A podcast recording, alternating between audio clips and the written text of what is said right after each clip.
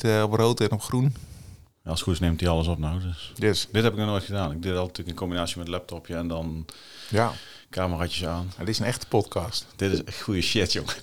dit is gewoon echt zoals het hoort. Nee joh, ik, maar ik, ik, toen, toen wij het gesprek nog hebben gedaan, toen had ik natuurlijk telefoontjes staan, telefoontjes staan. En daar ja, dat deed je met je telefoontjes. En toen ging ik dus, na de uitzending, had ik dus drie bestanden van 15 gig. En dan ging ik naar iMovies toe, dan ging ik alle drie die bestanden uploaden en dan ging ik knippen. Oké, nou praat uh, Eduard. Oké, dus dan moet Eduard in beeld. Klik. En dan moest ik zorgen dat het geluid, dat, dat, werd dan met die grote microfoon. Dus die, dan, die was hier tussen. Er was dan ook, een was ook een apart bestand en dan ging dat ook weer... en, en je kunt je voorstellen, het was altijd niet uh, synchroon. ja, ja, nee, dat, weet ik. Ja. Dus dan haalde ik 0,01 milliseconden uit uh, jouw video's, dat het geluid dan weer gelijk liep. En dan, ja, dan was ik drie dagen verder en dan... Ja, en dat gaat nou wat minder. Nou is meteen klaar. Ja. Dus dan heb ik OSB, is dat volgens mij, gekoppeld aan deze dan. En dan gaat dan meteen de laptop in. Dan heb je eigenlijk meteen, moet alleen nog even introotje, outrootje. En dan, uh, ja, precies. Dat is handig. Dan klopt die. Dat, dat, scheelt wel veel tijd. Dat scheelt heel veel tijd, ja. Dus dat, is maar dat vroeg bij de televisie ook hoor. Als wij, uh, toen ik nog voor de televisie werkte ook, wij ook eens een talkshow en alles ging opnemen. En uh, ook als het dan semi-live ging, dan moest het ook allemaal net weer geknipt worden. Waar ook echt heel veel tijd mee bezig. Dan je vier, vijf camera's die eromheen draaiden. En nou ja, goed. Ja, het is mooi spul. Het is een mooi spul. Ja. leuk, leuk dat ik hier mag zijn, Eduard. Ja, wat leuk dat je mag zijn in je eigen talkshow. dat ik mag vragen mag stellen. Dat is jouw show, hè? Oh, dat is mijn show. Ja. mag ik de gast in jouw show, in mijn eigen show. Patrick, wat heb jij met leiderschap? Leiderschap, ja, dat is eigenlijk, ja, je leiderschap is natuurlijk van, eigenlijk van jongs af aan is dat al iets wat eigenlijk bij iedereen er wel in zit, uh, denk ik tenminste. Um, nou, uiteindelijk uh, in mijn jeugd uh, moeder jong overleden, dus wat sneller op mezelf aangewezen, denk ik, met mijn broer en mijn zusje. Mijn vader is ondernemer. En dan kom je er later wel achter dat je toch al wel vaak... Uh, ik zeg altijd van, ik zat in de skelter op de kleuterschool achter het stuur. En de rest was aan het duwen. Weet je wel? Ja. Dus heb je met je beeld erbij. Ja, precies. Maar dat gaat allemaal onbewust. En uiteindelijk ben ik het leger ingegaan op mijn achttiende. Eh, twaalf jaar gediend. Ja, en daar heb ik wel uh, natuurlijk ook met de KMS, militaire school, nou, leiderschap bewust leren ontdekken. Uh, wat dat voor je kan betekenen en wat er dan in je zit. Ja, dat is me wel maatloos gaan interesseren en dat, dat doe ik nu nog steeds veel mee. Ja, precies. Want je hebt eigen bedrijf, Six Star Leadership. Ja.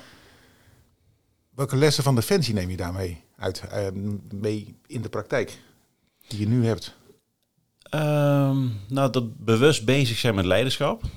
Ik denk dat dat echt iets is wat, uh, wat je bij Defensie ook gewoon doet. Dus jezelf bewust uitdagen, uh, ontwikkelen, uh, nou, leren van andere mensen, het delen van ervaringen. Dat is echt iets wat eigenlijk ingebakken is binnen de Defensieorganisatie. Dus het beter willen worden als een leider. Um, ja, en ook doordat je bij Defensie natuurlijk in omstandigheden mag leiding geven die niet altijd ook op straat voorkomen. Uh, natuurlijk zijn er wel vakgebieden waar dat uh, wel vergelijkbaar is. Brandweer, politie, dat soort zaken. Uh, nou heb je ook wel echt eh, jezelf mogen ja, leren kennen als leider. Um, ja, wat gewoon heel waardevol is nu. Ja, maar waarom is dat waardevol? Want aan de ene kant zeg je van, goh ja, het zijn situaties die eigenlijk niet, niet, niet voorkomen in het normale dagelijkse mensenleven. die, En, en hoe, hoe, hoe helpt je dat dan toch nu bij je leiderschapstrajecten? Nou, ik, ik, ik, denk vooral de, de wijze van denken. Ik denk de, de, de, als jij, ik denk in het leven, ja, ik zeg wel, kijk, trauma's zijn niet negatief, maar trauma's zijn dingen die iedereen overkomen. En, en momenten die je als leider meemaakt, uh, welke situatie dan ook, maar in dit geval specifiek defensie. Nou, die, die, die doen iets met jou als mens, die doen dus ook iets met jou als leider. En dat vormt je. En ja, die vorming uh, zorgt er ook voor dat je een bepaalde manier van denken, kijken en doen ontwikkelt. Uh, ze zeggen altijd van ja, militairen zijn gedisciplineerd, militairen zijn flexibel, militairen uh, kunnen snel schakelen. Nou, ik denk dus ook als je als leider zijn op die manier bepaalde dingen hebt mogen meemaken, ja, met bepaalde mensen die op een bepaalde manier ook weer feedback kunnen geven, ja, dat neem je gewoon mee de rest van je leven. dus het is niet zo dat er plotseling een bermbom in een magazijn afgaat en dat je dan terug kunt vallen op je skills. Uh, maar je herkent gewoon heel veel gesprekken en situaties die je terug gaan leiden naar jouw manier van handelen. En niet zozeer de drillstand, maar wel hoe je als leider daarin staat. Dat is wel heel waardevol. Ja. Kan, je, kan je ook beter relativeren daardoor of niet? Mm, Ik heb wel eens iemand gesproken, ook, ook een oud-militair, die zei, nou, het is echt makkelijk leiding geven hier. Er schiet niemand op me, er gaat niemand dood. Eh dus is wel, eh, je moet niet te veel stress. Hij zegt, het valt allemaal wel mee. Nou, ik, ik denk dat daar, ehm, dat dat tweeledig is. Ik, ik, ik denk dat als jij heel vakgericht gaat kijken, dat een militair of een, een leidinggevende militair ehm, wat nuchterder en wat rationeler kan kijken naar oplossingsgerichte eh, activiteiten, noem ik het eventjes.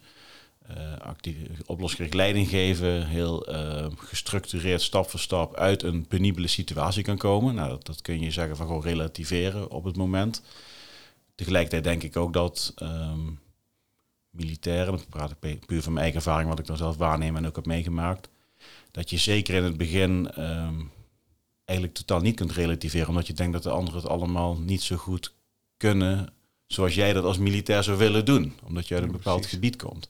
En dat is dan wel weer op zoek gaan juist naar je nieuwe manier van denken en doen, wat dan ook past in een andere cultuur. En ik denk dat daar juist emotie, ehm, mening, eh, directheid, eh, misschien soms de andere kant op slaat in plaats van het relativerende. Ja, Ja. precies. Dan heb je, en hoe komt het dan dat je, dat je dan hier in de gewone mensenwereld wat minder vertrouwen hebt in wat mensen kunnen en doen? Terwijl je dat vertrouwen bij Defensie wel had. Waar, waar komt dat verschil vandaan, denk je? Ik, ik denk dat eh, ehm, eh, ik destijds, en ik praat even dan puur over mezelf. ehm, kijk, je hebt een vormingsproces van jaren. En eh, door eh, gevormd te worden in een organisatie waarin je dus eigenlijk eh, klaargestoomd wordt ja, voor het ultieme moment. Heb je, en dat is heel simpel. Uiteindelijk moet je als militair geschikt zijn op het moment dat het nodig zou zijn in actie te komen om een vijand uit te schakelen. Ja, heel vaak kom je daar niet. Maar het hele pad ernaartoe zorgt natuurlijk wel voor dat je alleen maar werkt vanuit worst case scenario's en what ifs. Nou, die manier van denken en doen. En dan ga je naar, een, naar het bedrijfsleven toe. Ja, daar heb je één niet de tijd om twee jaar lang te gaan vormen tot die manier van werken samen met je nieuwe team. Eh, terwijl je wel dusdanig als individu gevormd bent dat je er ja, een beetje van uit bent gegaan dat dat het normaal is. Ja. Maar dat is niet normaal. Kijk, hè, dus je moet eigenlijk weer gaan ontdekken van oké, hoe vorm ik mezelf en de mensen om me heen in de nieuwe cultuur, in dit geval het bedrijfsleven. Maar tegelijkertijd zul je er ook achter gaan komen dat Defensie eh, gericht is op het vormen van mensen en het bedrijfsleven niet. Die willen resultaten halen uiteindelijk. Ja. Hoe denk je dat zouden de resultaten bij bedrijfsleven beter worden als ze meer inzet op die vorming? Eh, ja, 100%. Ja. Ja, Gek is dat dan dat het niet gebeurt. Hè? Ja. Ik kom heel vaak kom ik ook bij bedrijven binnen en dan zeggen ze, we hebben hier zo'n leuk team. En dan denk ik, waar dan? In welk team? Waar zijn ze? waar zijn ze? Waar is het Precies team? wel, maar ik zie niet dat het leuk is. Ja, nee, ik zie het team niet. Ja, precies. Ik zie allemaal Nee, mensen. nee, maar dat, dat, dat is natuurlijk eh, ja, 100%. Kijk, maar daarom, daarom denk ik ook dat, eh, goed, wat wij met Sexual Leadership doen, er zijn natuurlijk heel veel bedrijven eh, die dat doen, of individuen die hun rugzakje meenemen in het bedrijfsleven en daardoor goed zijn en, eh, en, en- wat ze op dit moment aan het doen zijn. Eh, tegelijkertijd denk ik ook, het is gewoon balanceren. Kijk, eh, ik begrijp heel goed dat een bedrijf niet zegt van ik neem iemand aan, ik ga hem een jaar training geven, daarna nog een functieopleiding. En over twee jaar stroomt hij in bij een team en dat doen we 30 jaar lang. Ja, dan gaat het bedrijf naar de knoppen natuurlijk. Ja. Dus ik denk het, alleen al bewust bezig zijn met het feit dat eh, eh, vormen en normen en waarden die passen bij een bedrijfscultuur en dus ook prestatiebevorderend werken, dat alleen al zorgt ervoor dat je beter zult zijn dan je concurrenten. Ehm, eh, en dat dan, dan kennis vanuit Defensie eh, vaak als interessant wordt gevonden, ja, dat begrijp ik. Want wij, wij ik noem het eventjes wij nog, wij doen niks anders om te komen tot dat ultieme resultaat. Ja. En eh, ik denk dat dat wel een hele mooie combi is om inderdaad waar, waar, waar bedrijfsleven en Defensie elkaar vinden om, om beter te presteren. Ja, ja. Wat zijn de slechte kanten van die vorming bij Defensie? Zijn, zijn die er niet? Ja, die zijn er zeker, ja. ja, ja. Zoals? Zoals er overal slechte kanten zijn. Zo heeft Defensie die ook. Ehm, ik denk dat je ook niet blind moet staren op het feit dat je eh, door eh, de manier van denken en doen binnen Defensie het eh, ei hebt uitgevonden. Is dat? Het ei van Columbus heet dat, hè? Kijk, van- ja, weet ik niet. het gouden ei. Het gouden ei. het Nee, gouden kijk, het is natuurlijk. ehm, ehm, wat, wat ik spreek natuurlijk ook wel eens oud-collega's en collega's die nog bij Defensie zitten. En ja, kijk, 90 procent, misschien nog wel meer, heeft een bepaald DNA. Wat ook met een bepaalde reden kiest om bij Defensie te gaan werken. Ze krijgen allemaal dezelfde kleur mee, noem ik het maar eventjes. Zelfde pak aan, zelfde manier van praten. Dus dat, dat dat functioneert op een gegeven moment wel. En ja, die enkeling die er dan niet tussen valt, ja, die, die gaat of naar een andere functie toe of die kiest om het anders te doen. Kijk, bij het bedrijfsleven heb je te maken met uh, ook verschillende functies, maar ook gewoon totaal verschillende types en achtergronden. Kijk, en ik denk zeker als je kijkt, uh, er zijn ook heel veel bedrijven die het heel erg goed doen, namelijk hoe ze omgaan met cultuur, hoe ze omgaan met verschillende persoonlijkheden.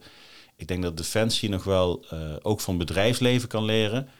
Uh, dat zeg maar de, de echte identiteit van het individu nog meer centraal kan staan bij die vorming. Ik denk dat je dan van twee kanten die, ja, die groei echt pakken. Ja, bij Defensie is nog wel een beetje de infanterie, dat is, is de norm, zeg maar. En daar kan niet iedereen aan voldoen. Nee, ja, dat is. Ja. ja. Het, het, is heel erg gericht op eerst de basisvorming. En, en wat je dan ja, wat je gewoon ziet, het, zijn natuurlijk, het is natuurlijk een groep, veelal jongens, steeds meer dames. Uh, of allebei. Die tijd leven ook natuurlijk. Alles kan. Uh, zo, zo, op die manier, ja precies. Ja, die, de, de, en dan is gewoon diversiteit. Kijk, Dus ik denk wel dat dat een hele goede, goede stap is. maar goed, Defensie gaat erin wel een hele interessante fase in. Want kijk, de kracht van de vorming is de eenheid, hoe je aan de poort binnen wordt gedaan en zeg maar die broederschap. Dat is altijd de kracht geweest, waarin we nu ook in het bedrijfsleven, ja, dat je, een goed team, een leuk team, dat is vaak vanuit die broederschap ontstaat dat. Ja. Nou goed, als je dus vanuit diversiteit gaat kijken, dan krijg jij letterlijk alle kleuren van de regenboog binnen een organisatie. Er zal ook een nieuwe manier van vormen moeten ontstaan. En misschien is dat al, ik zit natuurlijk niet in de, in de keuken van Defensie te kijken iedere dag. Uh, maar waarin je ook wel zeg maar, je broederschap en gevechtskracht, broederszusterschap uh, noem ik het, want iedereen kan uh, de functie op het algemeen wel gewoon allemaal uitvoeren natuurlijk. dat is wel een uitdaging, denk ik. En ik denk dat daarin Defensie weer bij het bedrijfsleven gaan kijken. Van gewoon een groot bedrijf als, noem eens iets, ik heb wel bij DPG Media wat, wat tijdje gezeten. ja, daar zit ook van alles. Ja. Alle hoeken van Nederland komen de jongens en de meiden met verschillende journalisten, commercieel, alles zit daar samen. Ja, die zijn dat pad natuurlijk al tien jaar aan het bewandelen. Ja. En dat functioneert ook heel goed. Kijk, dus dat is wel een hele interessante, denk ik. Ja, het heeft wel weer een andere taakstelling. Het is ook uh, zo'n bedrijf, die gaat er niet dood. Nee, dat klopt. Maar de, kijk, de, maar de yoga trainer die tegenwoordig bij Defensie zat, zat er twintig jaar terug ook nog niet. En, en die heeft in principe net zo'n groot aandeel in de vorming als de drillsergeant, noem ik het eventjes, die voorheen de AMO deed. Die moeten nu samenwerken om die, die, die, jongens en meiden van alle kanten samen te vormen tot de functie waar ze weer op gaan komen. het is natuurlijk wel wat complexer als toen wij binnenkwamen. Uh, het is natuurlijk een hele andere wereld, maar ook een hele ander type mens ondertussen. Ja, ja, tegen mij stond uh, sergeant Koot nog te brullen dat ik een groen hart had en dat wij dat ook moesten krijgen. En dat, uh, daar gingen we voor. Green hart. Mis ja. gelukt? Ja, nou een beetje wel. Maar ik denk eigenlijk, denk ik wat jij zegt, uh, Defensie is natuurlijk al heel bezig ook met een heel selectieproces. Dat de mensen die binnenkomen bij de landmacht, dat, die al een beetje een groen hart überhaupt hebben. Mm -hmm. Anders kom je er überhaupt niet door de selectie heen, denk ik. Ja. Nee, ja, helemaal, helemaal eens. En dat, dat zie je, dat is wel weer goed uh, bij, bij Defensie. Ik, ik, ik sprak uh, ook ooit uh, met de, iemand van de opleiding en training van waar ze ook vliegers selecteren. En, en dat, we selecteren mensen en commando's en, en vliegers voor bepaalde functies. Die selecteer je op bepaalde karaktereigenschappen. En dan weet je dat ze soms wel eens misschien, als het een beetje rustig hebben, dat er niet veel te doen is, dat ze gepakt worden omdat ze 230 km per uur met een auto over de snelweg rijden. Of omdat ze in een eentje denken dat ze een mhm. hele kroeg wel kort en klein kunnen staan. Nou, dat, is, dat zijn de excessen de verkeerde kant op, maar dat zijn wel precies de karaktereigenschappen. Deden we iedere, deden we iedere week. Dat deden, wij vroeger iedere week. Maar, maar dat, dat zijn wel precies de, de, de, de karaktereigenschappen van, die nodig zijn om als commando of als piloot te kunnen functioneren. Mm -hmm. En daar bij bedrijfsleven, je komt gewoon aangewandeld, je levert je cv in en je hebt een gesprek met PNO, je hebt een gesprek met je toekomstige leidinggevende en je gaat aan het werk. En dus ja. dat, is wel, dat is wel een verschil. Dus ik denk met dat, met dat groene hart, dat bij Defensie, ik stel nog helemaal geen vraag, ik gewoon een verhaal te vertellen. Maar ik denk dat bij Defensie dat dat wel een, uh, dat het groene hart dat al aanwezig is. Dus en, en dat zal moeten blijven. Ja, Tenminste, dat ben je met me eens, denk ik toch? Ja, dat, dat zal moeten blijven. Dat moet blijven. Dat moet in de nee, DNA maar, zitten. Ik, ik, begin deze week heb ik een leuke training gegeven. En dat, dat, dat ging hierover. Dat, dat ging dus over... Um, uh, ik geloof heel erg sterk, kijk, als je, als je een waardefundament hebt met elkaar... Je, en je bent vanuit het waardefundament bereid om uh, ja, elkaar, uh, in ieder geval verbinding te komen met elkaar en, en elkaar ook te durven dienen. Dan heb je dienen, dus ik wil iets van mezelf weggeven aan het team en dan krijg ik iets van het team terug voor mezelf. En samen is dat het kloppend hart, noem ik het even, het groene hart. Ja. Ja, dat is ook een mooie regio hier trouwens, het groene hart. Maar, Ja, prachtig. Kijk, en dan ga je pas vaak over die taakstellingen praten met elkaar. En, en Ja. wat Defensie dus heel erg goed doet, eh, nog steeds, en dat zal ook altijd zo blijven, ehm, op basis van bepaalde waarden kies jij ervoor om die defensieorganisatie in te stromen. En als jij totaal afwijkende waarden hebt, zul jij nooit gaan solliciteren op een functie. Nee. We hebben het net even over dienstplicht. Op het moment dat jij dus gaat verplichten om te dienen met totaal afwijkende waarden, ga je wel zand strooien in de machine die je misschien moet willen creëren om uiteindelijk tot de beste taakgerichte oplossingen en ook effectiviteit te komen. Ja. In het bedrijfsleven, eh, ja, hebben we ook eh waardes. Elk bedrijf heeft dat natuurlijk perfect uitgeschreven. En er is ook een onboarding. Maar over het algemeen gaat het heel snel richting de taakgerichte werkzaamheden, zodat die zo snel mogelijk productief wordt. Ja. En dat stukje in verbinding komen met elkaar en het ook iets van jezelf willen opgeven voor de organisatie. En het vertrouwen hebben dat de organisatie iets gaat teruggeven aan jou op het moment dat het met jou niet zo goed gaat. Dat stukje is broos in het bedrijfsleven. In ieder geval broos, brozer. Dan zijn het altijd uitzonderingen naar boven en naar beneden. Bij Defensie is dat eigenlijk de basis waarom alles wat ze doen gewoon klopt. Kan het beter, 100%. Maar we, we staan er voor elkaar. We dienen. Weet je wel? Kijk, en dat stukje, ja, dat is gewoon krachtig. En dat zal altijd zo blijven of nou een regenboog is of een groen hart. Eh, dat zal wel zeker, de, als je naar de huidige tijd kijkt, we moeten er weer staan met z'n allen. Ja, dan heb je gewoon een strakke basis, strak fundament nodig. Ja. En dan rijd je niet met functieopleidingen. Nee, nee, dat klopt. Dat gaat met, met waarde. Welke dingen neem je nou niet mee vanuit Defensie naar eh, dit bedrijfsleven? Ehm nou, zo min mogelijk boos kijken. Maak een vuist van je gezicht. Ja, precies dat. Nou, ik- wat ik, wat ik niet meeneem is... ehm, ik, ik wil vooral kijken wat ik eh, dus eh, nu heb gezien... eh, wat ik voorheen niet had. Ehm, toevallig een stukje op LinkedIn over geschreven. Ik had wat oude foto's gevonden. En ik was dus, misschien heb je die gezien gisteren, weet ik niet. Oh nee. Ik had wat oude foto's gevonden van uit 2006. Dat was voor de uitzending nog op weg. En ik ben me eens gaan verplaatsen in de Patrick van toen. Eh, hoe keek ik naar leiderschap? Hoe keek ik naar, eh, ja, naar mezelf? Hoe ik daar stond? En dan kom je er wel achter dat... eh, ja, je, je hebt toch een, ook een soort van... ehm, ja, niet een masker, maar hoe noem je dat? Iets wat je... Een harnas om je heen omdat je denkt dat dat dan ook bij je rol hoort en dus impact maakt en dat je daardoor meer kunt bereiken. Ja. Ja, dat heb ik, eh, heb ik meegenomen, maar ben ik wel achtergekomen dat dat mezelf belemmerde. En ik ben ook nog wel eens teruggegaan naar momenten gedurende mijn dienstperiode. Stuk 12 jaar, dus een lange periode. Ik kom als broekie binnen en uiteindelijk ben je dan de oude poep, eh sergeant, wachtmeester. Eh, en en elk, elke fase heeft natuurlijk zijn eigen bijzonderheden. Eh, maar de rode, de rode draad was wel dat je wel echt dacht dat je vanuit eh, een beetje non-verbaal power, eh, beetje norsheid daarin dacht dat je dus het verschil ook kon maken. Ja. Gevormd door de omgeving, hè? Ja. Want die, ik zag dat waarschijnlijk bij mijn voorbeeld adjudant, Jean Major, op weet ik veel wat. Kijk, en dat heb ik wel, wel ja, dat ben ik heel blij dat ik dat heb, niet meer heb. Ik heb het nog steeds soms misschien. Zit heel diep. Ik steeds. Kijk en toe ook nog boos, maar... ja. Nou ja, maar ja, dat is, dat is wel iets, denk ik, inderdaad. Bij de vinden boos kijken, stoel praten, kortaf. Ja, nee, maar ik, ik geloof juist ontzettend, eh, of geloof, ik ben overtuigd dat juist in verbinding staan met iedereen, eh, hiërarchieloos en proberen oordeelloos te willen begrijpen wat iemand zegt, denkt of doet, eh, zorgt ervoor dat ik als leider zijn de beste keuzes kan maken met de mensen waar ik mee ben. Eh, als ik eh, continu in mijn hoofd stempels leg over eh, ja, het, gedrag van anderen of de mening van anderen, dan, dan sta je zelf ook stil en dus het team. En, en, en dat is denk ik wel. eh, kijk, ik heb natuurlijk hier ook wat gasten over tafel gehad. Weet je wel, SF-operator, Special Forces. Maar ook gewoon jongens die, die, die als soldaat zeg maar, ook op uitzending waren.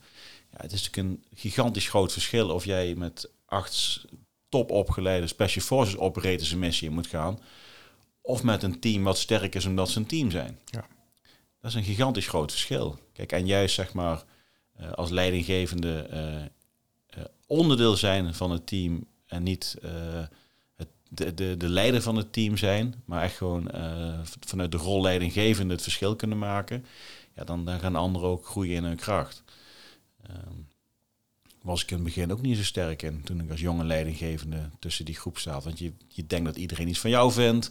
Je wil jezelf bewijzen. Je bent heel druk bezig om te compenseren en het goed te doen. Maar je bent jezelf wat voorbij aan het lopen. En je, je verliest totaal de verbinding met de mensen waar je mee moet doen. Ja. En dan komt hij vanzelf wel terug. Ja.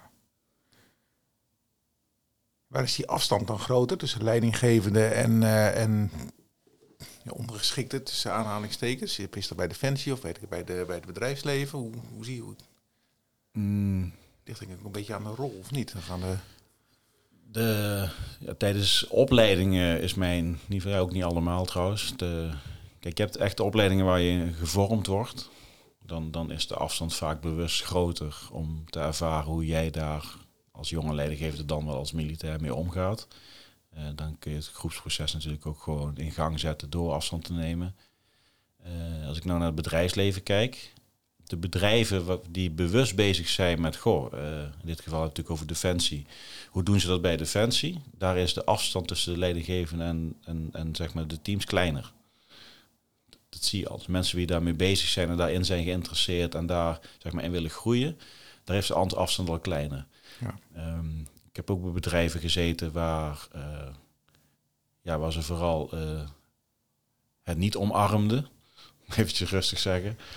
Uh, daar zie je dus gewoon een hele grote kloof tussen de, ja, de, de, de DGA, dan wel de director, dan wel de directeur, naar de mensen die moeten doen.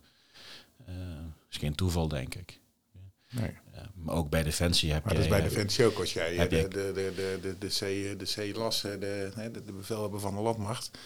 En een soldaat, daar zit, daar zit, dat is enorm de afstand Ja, die daartussen zit ook. En dat is natuurlijk hetzelfde bij gewone bedrijfsleven. Er is sommige mensen bij Rabobank die weten echt niet wie de directeur is, Nee, nee. denk ik. Nee, maar die hebben ook een eigen manager dan. Ja.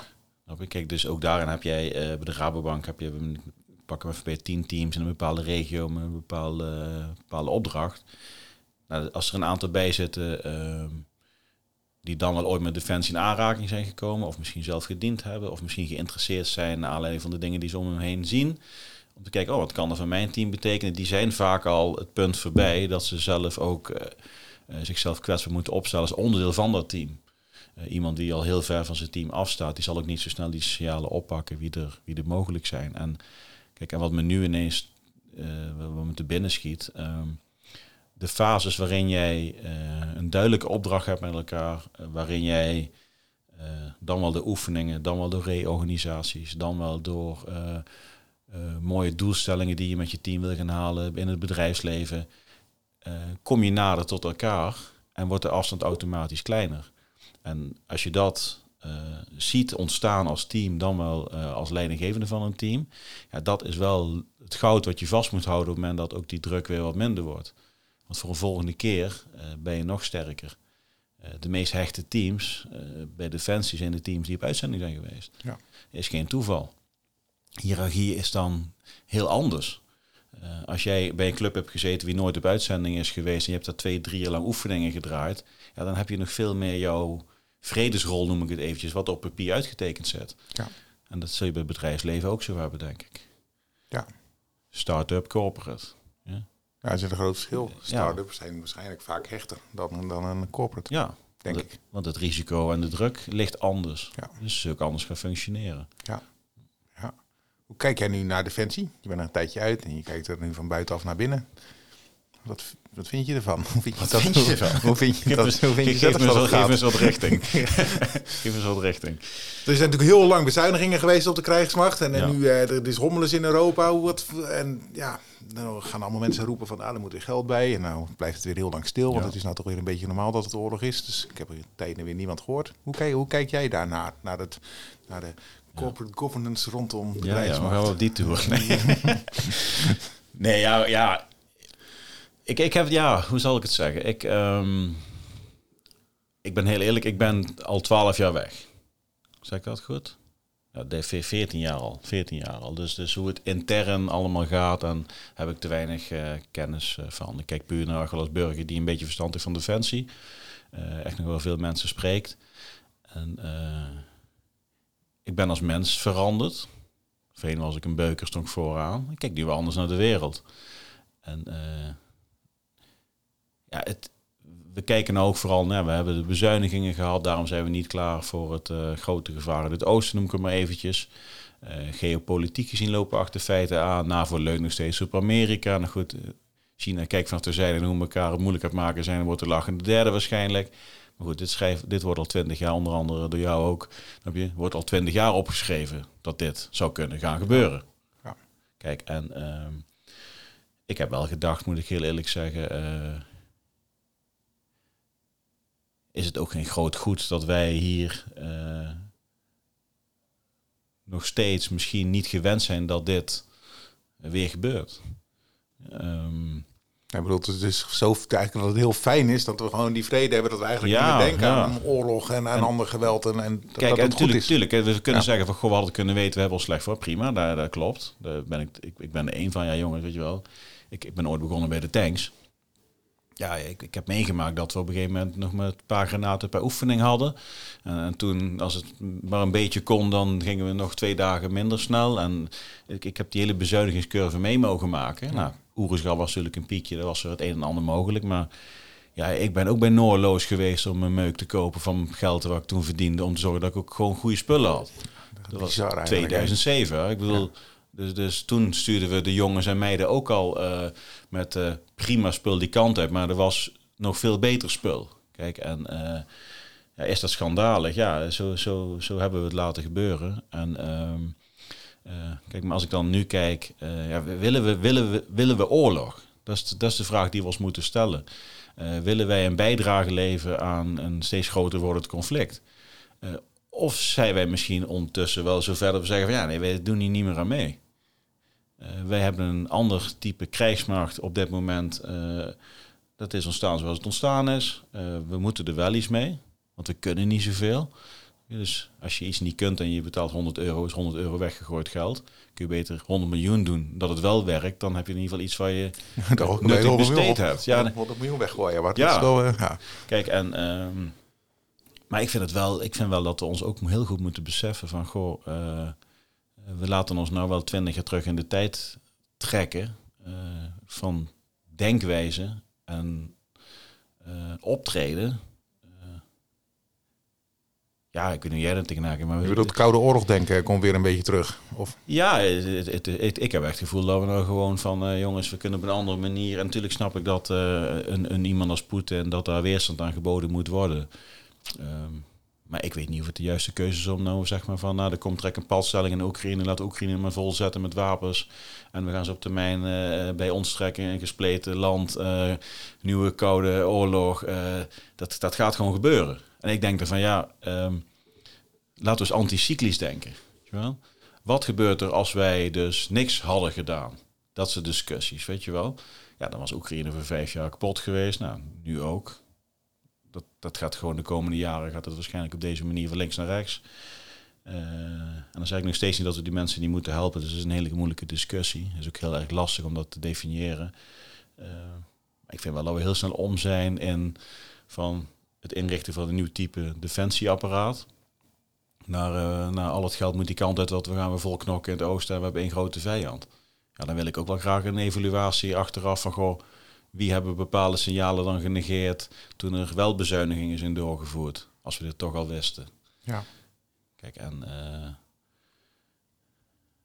ik denk dat Nederland, nou, ik zag toevallig gisteren, uh, er was een mooi onderzoek, dat 16% van Nederland was bereid om te vechten voor zijn vrijheid. Dat volgens mij Dirk Boswijk had eh, als politicus van CDA had dat ook gedeeld. En dan de, de, de dienstplicht eraan gekoppeld dan, dus volgens Zweeds model. En nou, Zweden doen veel goede dingen, dus misschien moeten we daar naar kijken. Dus dat is een prima idee. maar tegelijkertijd denk ik dan ook van ja, ik heb drie jonge jongens.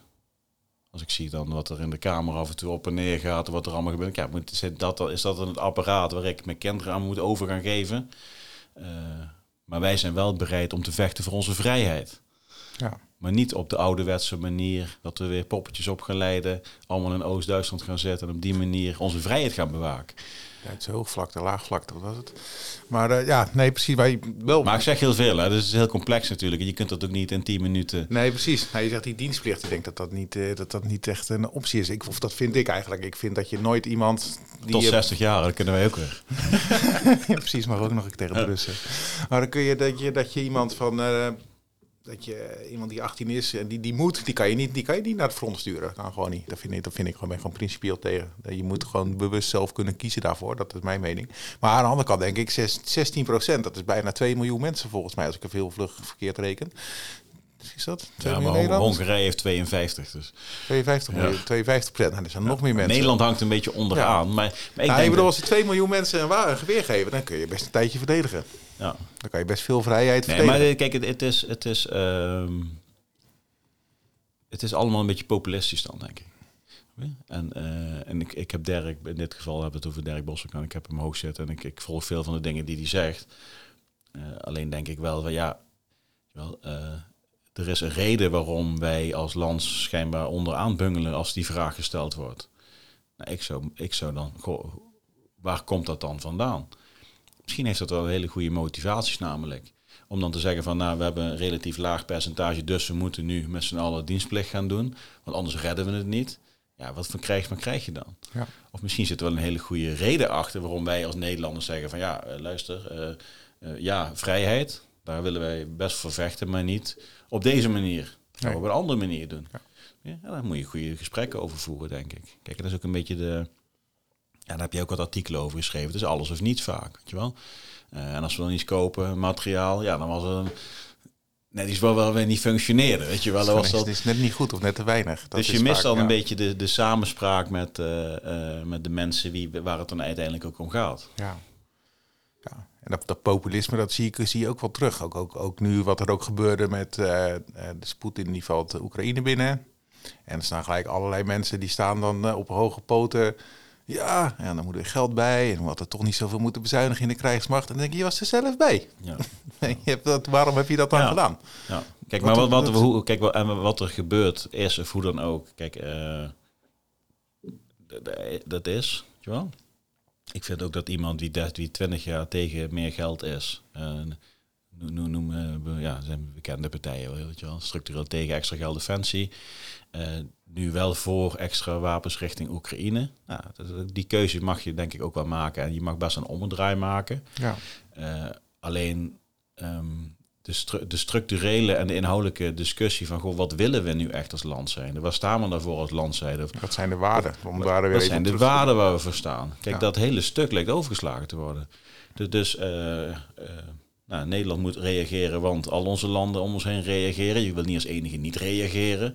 Nou, er wordt natuurlijk wat, uh, wat, wat, wat deeltjes gemaakt met de landen onderling. En dat heeft allemaal met elkaar te maken. Er wordt nu waarschijnlijk al gesproken over wie welke wapensystemen dan gaat leveren. Er is waarschijnlijk nu al afgesproken wie er in Oekraïne straks de gebouwen dan. Die gesprekken worden allemaal al gevoerd op de achtergrond, geloof ja. me. Dat gebeurt allemaal. Het is dan gewoon één grote economische machine en belangenverstrengeling. Uh, die zich eigenlijk over Oekraïne uitrolt. En dan zijn we eigenlijk tien jaar verder. En wat hebben we dan op basis van echte waarden, normen en richting met elkaar gecreëerd? Ja. Ik denk dat dat minimaal is. Kijk, en, en, dat, en dat is, uh, ja, dat, dat, dat mis ik dan persoonlijk.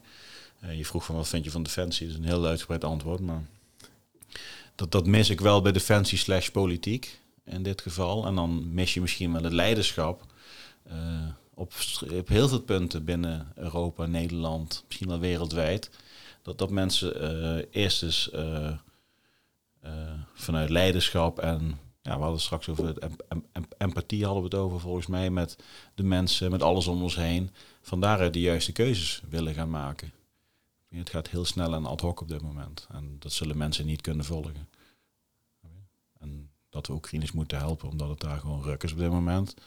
Daar zal iedereen het over eens zijn. Ja. Maar moet je dan per se wapen sturen? Is, is eigenlijk jouw idee erachter ook? Of? Nee, ja, kijk. Uh, uh, die panzerhouwitsers. Mooi voorbeeld, toch? We ja. sturen de vier of zo, volgens mij. Volgens mij hebben we er een stuk of 50. Nou, de Nederlandse krijgsmacht is tegen, want we hebben zelf tekort. Uh, goed. Uh, ja, dat is een hele complexe apparaat.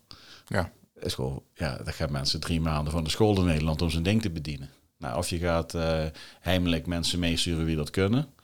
Nou, oké, dat is een keuze. Waarschijnlijk gebeurt dat niet, want dat is gewoon wel tricky. Worden opgeleid volgens mij in Duitsland bij de Duitse panzer, nee, niet de artillerieschool. Ja, ja. Maar, maar goed, het gevolg van al die leveringen is dat, dat, dat die Russen, uh, kijk, wij lezen dan Rusland bombardeert treinstations, twee burgers overleden. Ja, nee, Rusland bombardeert treinstations omdat er straks allemaal panzerhouwitsers over die rails heen moeten rollen die naar het front moeten. Ja. Daarom bombarderen ze die. Niet omdat er toevallig twee Oekraïners op een bankje zitten, weet je wel. Nee. Kijk, en dat is dus het strategisch escaleren uh, door op deze manier mee te doen met de wedstrijd. Ja. Terwijl ik denk van ja, we hebben het, uh, het internationale strafrechtshof zit natuurlijk in Den Haag, de stad van de vrede. Um, ja, ik geloof niet dat je voor vrede kunt strijden op het moment dat je onderdeel bent van het conflict. Dat had je me twintig jaar terug niet moeten vragen, Eduard. Hè? Dan zat ik echt. Dan stel je nou in Oekraïne. Maar ik stel die vragen ook. Ik stel die vragen ook gewoon de tijden dat ik in Oeruzgan zat, dat ik in Bosnië zat. De perceptie van zeg maar de tegenstander en de referentiekader en zijn motivaties zijn onbegrijpbaar. We kunnen wel ongeveer inschatten hoe wij denken dat iemand in de wedstrijd zit, maar 9 van de 10 keer is het niet juist. Ja. Dat, dat wetende, uh, dus de kans dat wij op een verkeerde manier in het conflict zitten omdat we denken dat, is ook aanwezig. Nou, streef je dan naar vrede, dan denk ik dat Nederland misschien wel uh, Europa is te versnipperd, maar ja, weet je wel, minder Amerika, wat meer neutraal en daarin kijken wat je kunt doen om misschien als middelman te zorgen dat het niet doorescaleert. Ja, en ja, we zullen zien wat het brengt. Maar. Ja. ja. En dat is gebrek aan leiderschap. Hè?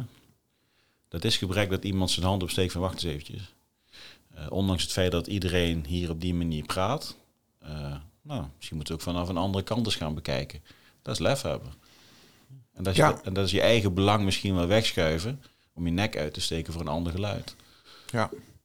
Ja, en ik vind ook wel wat van het leiderschap. Maar goed, dat laat ik maar. Dat schrijf ik wel weer een keertje op. maar, Ja, je knikt heel dat ja, dus je bent het eens. Nee. nou ja, zeker. Ja, nee, ja, dat is bevestiging. Hè, van, van geen ja zeggen. Want dan moet je dat ook weer eruit knippen. Eh, maar Ja.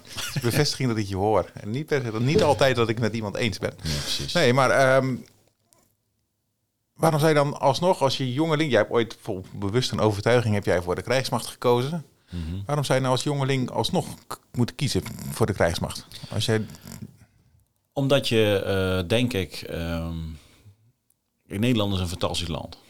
Dat laten we daarmee beginnen. Ik denk dat we, eh, ik ben trots dat ik Nederlander ben. Ik ben trots eh, wat we in al die honderden jaren bereikt hebben met elkaar. Eh, en misschien juist omdat de wereld aan het veranderen is, dat Nederland echt wel wat meer centraal moet blijven staan bij de Nederlanders zelf. Ja. grenzen zijn weggevallen, we, we reizen de hele wereld rond.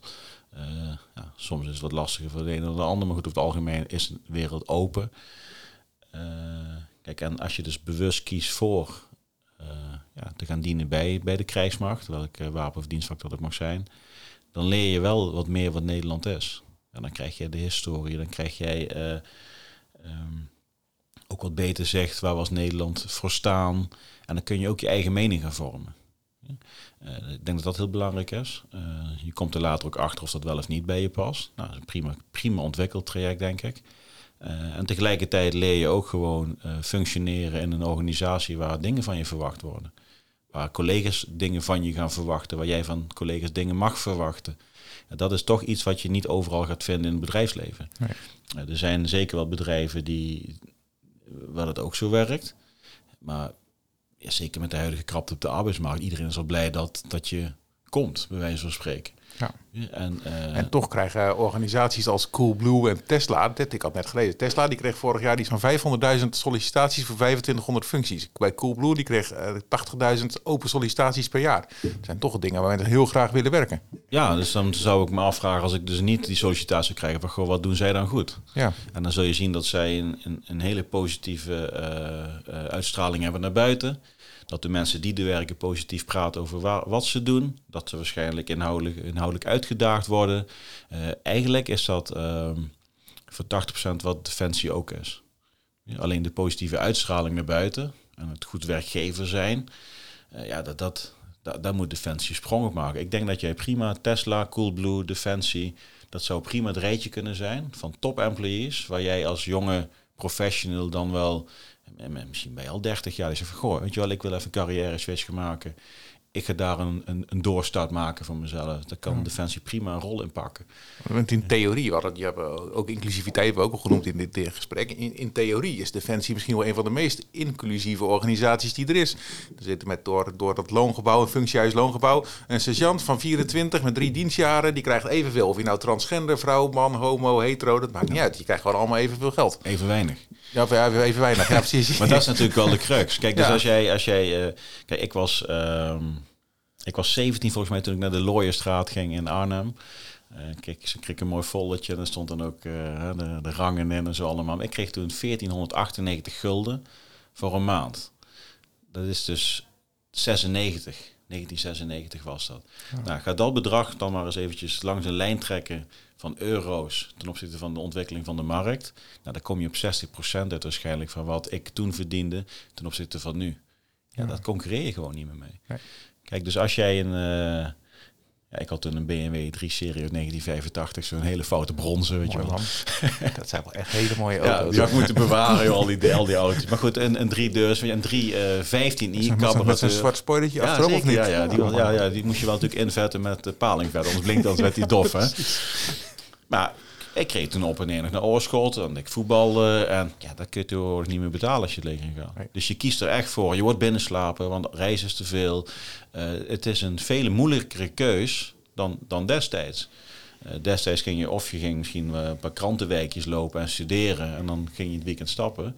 Als je defensie inging, had je en een baan, en je mocht een opleiding volgen, en je hield om wat geld over in het weekend. Je kon een paar flessen appelkool met de carnaval voor drie mark per stuk berghouden kon die aanschaffen. Dan heb je een hele doos mee voor, uh, voor mijn maten. Dus er zaten heel veel voordelen in, uh, ook financieel. En vaak was dat ook, het was 50-50. Ja, of jongens, ja nee, ik, moest, ik wil graag gaan werken, ik wil van huis, dus ik ga legeren. En je had ook een groep die zei, nee, ik heb altijd legeren gewillen en ik vind het mooi en dat is echt een passie van me. Nou, dat samen vond zich. Een deel daarvan is nu gewoon afgevallen. Dus je mist gewoon 50% van de aanwas. En tegelijkertijd, ja, die 50% heeft die andere 50% wel nodig om tot de beste teams te komen. Ja. Ik denk dat het een beetje scheef gelopen is. Ja. Dus gewoon meer geld voor die mannen en die vrouwen. Ja, precies. Nee, en dan helpt het niet dat je al anderhalf jaar zonder CEO zit. Waar je loopt te roepen dat je personeel op één moet staan, denk ik. Ja, goed, daar, daar, daar, weet jij heel veel van. Daar heb natuurlijk veel over geschreven. Kijk, maar, maar uh, en, en dat zegt volgens mij Dirk ook. En dat zeggen ze allemaal. Uh, Doe er dan wat aan, denk ik. Maar goed. Ja, dat, kijk, uh, weet je wel, we, we, kunnen wel 100 tanks erbij kopen. Maar je hebt daar, je hebt, per tank heb je ongeveer zeven man nodig om te laten rijden. Nou, geef, zorg eerst dat je die zeven mensen binnenkrijgt. Die tank die regel je wel. Ja heel plat gezegd. Als je tegen de Duitsers morgen zegt van geef ons 10 tanks, dokken ervoor, heb je er nog gestaan, dan red je wel. Weet je wel? Je ja. ondertussen produceren. En ja, ik denk, denk, denk dan misschien veel te pragmatisch. Maar weet je wel, als je de mensen hebt, kun je ze inzetten. En, maar als je een tank hebt zonder mensen, dan staat hij stil. Ja. Dus het moet het omdraaien. En, ja. uh, geen gouden vellig op de tank, maar wel uh, wat meer geld naar de mensen. En dan uh, komt de tank vanzelf al. Ja, precies. precies. Dus meer inzet ook op die mensen. Op je mensen houden. Ja. Of uh, wat dat binnen is behouden en, en eh, wat nieuw is aanwerven. Ja. ja we, kennen, we kennen allemaal de features van Coolblue denk ik, die uh, met die bak voorop uh, ja. en een iPhone aan het bezorgen zijn. Alles voor een glimlach. Ja, alles voor een glimlach. en ze verdienen waarschijnlijk net 50 cent meer dan bij een ander bedrijf. Ja. je? Dus geld is vaak de tweede plek. Dus we zeggen wel eens, ja, voor een appel en een ei gaan ze ergens anders naartoe. Dus we geven ze iets meer. Ja, dan, dan ben jij in één keer de appel en een ei een ander. En dan hou je het in stand. Maar denk altijd een combinatie van, goh, waarom wil iemand hier graag werken? En waarom zou iemand hier willen blijven? Nou, dat in combinatie met geld uh, is denk ik ja, de sleutel tot, tot, tot succesvervulling wat dat betreft. Ja, ja. En wat is nou het allerbelangrijkste wat jij, als jij terugkijkt op jouw 12 jaar bij Defensie, het allerbelangrijkste wat je daar hebt geleerd, wat je nu vandaag nog dagelijks gebruikt? Koken in een bos. Nee. Ook moet je graven. Nee, ik, eh, nee, ik, ik heb, ik heb uh, uh, heel veel, uh, veel, veel, ik lul maar veel commandanten gehad. Ja, en ze zijn allemaal verschillend. Ehm, iedereen heeft daarin zijn, zijn eigen waarde gehad voor, voor, voor, in dit geval mij als persoon, maar ook voor de teams waar ik mee gewerkt heb. maar wat ik vooral heel erg meegekregen heb, is dat jij als je dicht bij je mensen blijft staan, ongeacht wat er gebeurt, ehm, als jij eh, altijd bezig bent om te zorgen dat de ander precies weet wat jij in je hoofd hebt zitten, ja, en dan kun je alleen maar door ook de ander willen begrijpen, ja, dan, dan kom je het verste met elkaar. En dat is echt iets wat ik, uh, nou goed, Erik Braken is, is mijn oud-commandant in Oerisgang geweest. Ja, die, die man, die de opdracht stond dicht bij ons. Die zag van, hé hey, wacht, er is twijfel. Twijfel moeten we uit de weg uh, voordat we voorwaarts gaan. Ja, die manier van commandovoering noem maar eventjes. Ja, die heb ik wel gecivilaliseerd, of hoe noem ik dat? Geciviliseerd. Geciviliseerd. Proberen te civiliseren. Ja. Dan heb je dus, uh, ja, uh, strak, gestructureerd, maar ook heel erg benaderbaar en zacht, zodat je ook heel goed kunt aanvoelen uh, ja, wat, wat er speelt. Ja. Want de meeste kennis zit bij de mensen waar je mee samenwerkt. Ja. Nou, als, dat, als dat zichtbaar wordt, dan kun je iedere vijand verslaan. Ja. Is dat ook iets wat, wat een beetje bij Defensie hoort? Dat de kennis, dat, want er zit heel veel kennis in de groep. Enerzijds die combinatie van soms directief leiderschap en, en, en het dan toch luisteren naar je mensen? Ja, ik denk het wel. Ik denk als jij kijk, een, ehm, een, een goede groepscommandant, uh, die, uh, die weet wanneer die zegt van nou, nou is het poep. Even, even, even gewoon doen wat ik zeg. En dan zal de groep dat 100% accepteren, want er tegenover staat dat die 9 van de 10 keer uh, samen aan het nadenken is hoe de poppetjes het beste ingezet kunnen worden. Ja. Kijk, en dat samen, ik denk dat juist bij Defensie continu balanceren op hey, hoge stress, handelen. Uh, uh, maar heel vaak, nou, ik zeg ook, wat ik regelmatig ook wel eens terug laat komen, is van ja, de, de leider hoeft niet altijd de leidinggevende te zijn. Um, de leidinggevende, of de leider op bepaalde momenten kan ook iemand zijn die vanuit een bepaalde rol juist op dat moment de leiding moet pakken. Ja. je? En dan, dan, dan, dan, dan dien jij als leidinggevende uh, het team door een stapje terug te doen en de ander juist ja, de mogelijkheid te geven uh, om zijn podium te pakken. Ja, precies, omdat iemand op dat moment zijn specialisme is, op dat, zijn specialisme van die persoon is op dat moment het hardste nodig, zeg maar. Ja, dan, vanuit, ja. ja. Kijk, in het bedrijfsleven zie je dat, uh, uh, zeker bij de agile bedrijven, die heel erg vanuit professionaliteit en expert hun eigen speelveld hebben, noem ik het maar eventjes. Maar goed, van oudsher bij Defensie is natuurlijk zo, ja, je hebt de commandant en de mensen kijken naar wat de commandant zegt. We hebben in Afghanistan dingen meegemaakt waarin uh, we op een gegeven moment ook een kwala, uh, huisje moesten gaan omsingelen. Nou, dan zie je gewoon mensen met bepaalde wapensystemen, die hebben veel beter inzicht en een kijk over hoe we de volgende stappen moeten zetten. Nou, dan moeten zij gewoon dat ook, ook gaan, gaan, gaan, pakken, zeg maar. Kijk, en in het voortrek, dan, dan help je ze ontwikkelen van, gewoon, weet je wel, op die momenten, nou, hoe, hoe, hoe zet je een opdracht uit? Hoe kijk je naar? Wat, wat is de manier van communicatie? Dus communicatie en leiderschap zou eigenlijk gewoon bij, bij, bij alle medewerkers in een bepaalde basis aanwezig moeten zijn. Zodat op het moment dat het zover is, zij ook gewoon herkennen van hé, hey, nu ben ik aan de beurt. Ja. En het is niet eens een beurt draaien, het gaat natuurlijk hartstikke organisch op dat moment.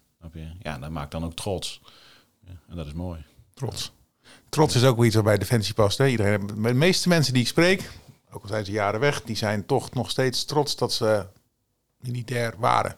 Of misschien nog wel zijn met dat stomme groen hart of blauw hart. Ik weet niet eens bij de marine noemen. Maar... Blauw hart. Splitie denk ik. Oh, ja, ik weet niet of dat bij de marine heet. Ja. Een grijze hart is luchtmacht. ja. To noise converter, dat is dat een F35. Ja, nee, dat, uh, maar dat is wel iets waar bij Defensie past, trots. En dat mhm. zie je ook minder in het bedrijfsleven. Behalve bij sommige grote corporates, uh, waar ook nog wel mensen heel trots zijn dat ze heel mhm. hun leven lang bij, uh, bij een organisatie zitten. Ja, nou, dankjewel. Ja. Je hebt wijze dingen gezegd. Ja, vind je? Ja, vind ik wel. ja. Heel goed. Nou ja, trots is wel... Nou goed, je ziet het hier. Vooral ook achter je. Ja, ik bedoel... De, kijk, ik denk dat Defensie is wel een... Um, uh, haalt... Ja, de, Defensie haalt het beste bij iemand naar boven. maar ook mindere aspecten. En, en door dat te vormen ga je heel erg goed functioneren in een bepaalde rol. Maar tegelijkertijd, als je daarna wat levenswijsheid krijgt, je, of je dan 18 bent of 58, dat doet er niet toe. Uh, je gaat ook gewoon herkennen bepaalde trekjes die je op bepaalde momenten had, omdat je gewoon in je hebt extreme omstandigheden met een groepje dingen moet doen. Nou, dat is denk ik ontzettend waardevol. En dat maakt elkaar ook trots, want juist die intieme verbindingen, ja, dat is mooi. Weet je wel. Ja. Dat is, Om drie uur s'nachts in je schuttersput had je de beste gesprekken met je maatje. Ja. Dat vond ik altijd. Ja, maar goed, wij, kijk, wij, wij- ja, ja, ik loop gewoon door, hoor, maar kijk, wij, ik, ik zeg, ik, ik, ik, ik zei voorheen al als ik met een team aan de slag ging, snap je? Je moet met elkaar gezopen hebben en gevochten, snap je? Daarna kun je de hele wereld aan. Ja. Ja, dat moet je natuurlijk nou niet meer vertellen, want dan word je in de bak gegooid. Maar dat was wel zo. Snap je? En dat vechten hoeft dan niet letterlijk vechten te zijn. En, en zuipen, ja, dat was wel letterlijk dan. Maar, je? Dus als je eenmaal bepaalde dingen met elkaar hebt meegemaakt... en je weet van, hé, hey, dit, was, was dit, ook iets, dit was iets van ons. Ja. Dit hebben wij samen gedaan. En Ja. eh, dat, dat, dat maakt je trots. Niet dat vechten je trots maakt, maar je hebt samen wat... Het samenhorigheidsgevoel wat daardoor Samenhorigheid. het ontstaat. Kijk, en dat is mooi. En op die manier ontstaat er gewoon iets. Kijk, en daarom zie je ook vaak, nou, teambuilding. Nou, laat me allen een vlot gaan bouwen. En ik, weet weet je wel, al dat soort dingen allemaal. Ik, ben, ik ben niet van dat soort feestjes. Maar het, is wel, het zijn wel hele mooie manieren om... Ja, we hebben het toch samen gefixt, weet je wel. Ja. En eh, ja, wij hoorden van de instructeur dat wij het, het eerste bedrijf waren... wie het binnen 10 minuten had gedaan. Dat zegt hij natuurlijk tegen iedereen. Ja, precies. Ja, Maar dat maakt wel, oh kijk eens, wij waren ten opzichte van de rest van Nederland waren wij echt supergoed. Ja. Ja, als je dan maandag op kantoor komt je hebt dan die meeting weer. En die poster hangt er dat jullie met z'n allen het water rennen, renden met die balken, weet je wel. Ja, dat, dat maakt trots. Yes. En dan ga je ook wel anders praten over, eh, over ja, de, de andere dingen die schijnbaar heel complex zijn. Ja. Dan zijn we weer relativeren. Dus, Ja, wij aan releveren. Je moet niet ingewikkeld maken, zeg Nee. ik altijd. Yes. Dankjewel. ja, goed man. Goed. Jij ook bedankt. Yes.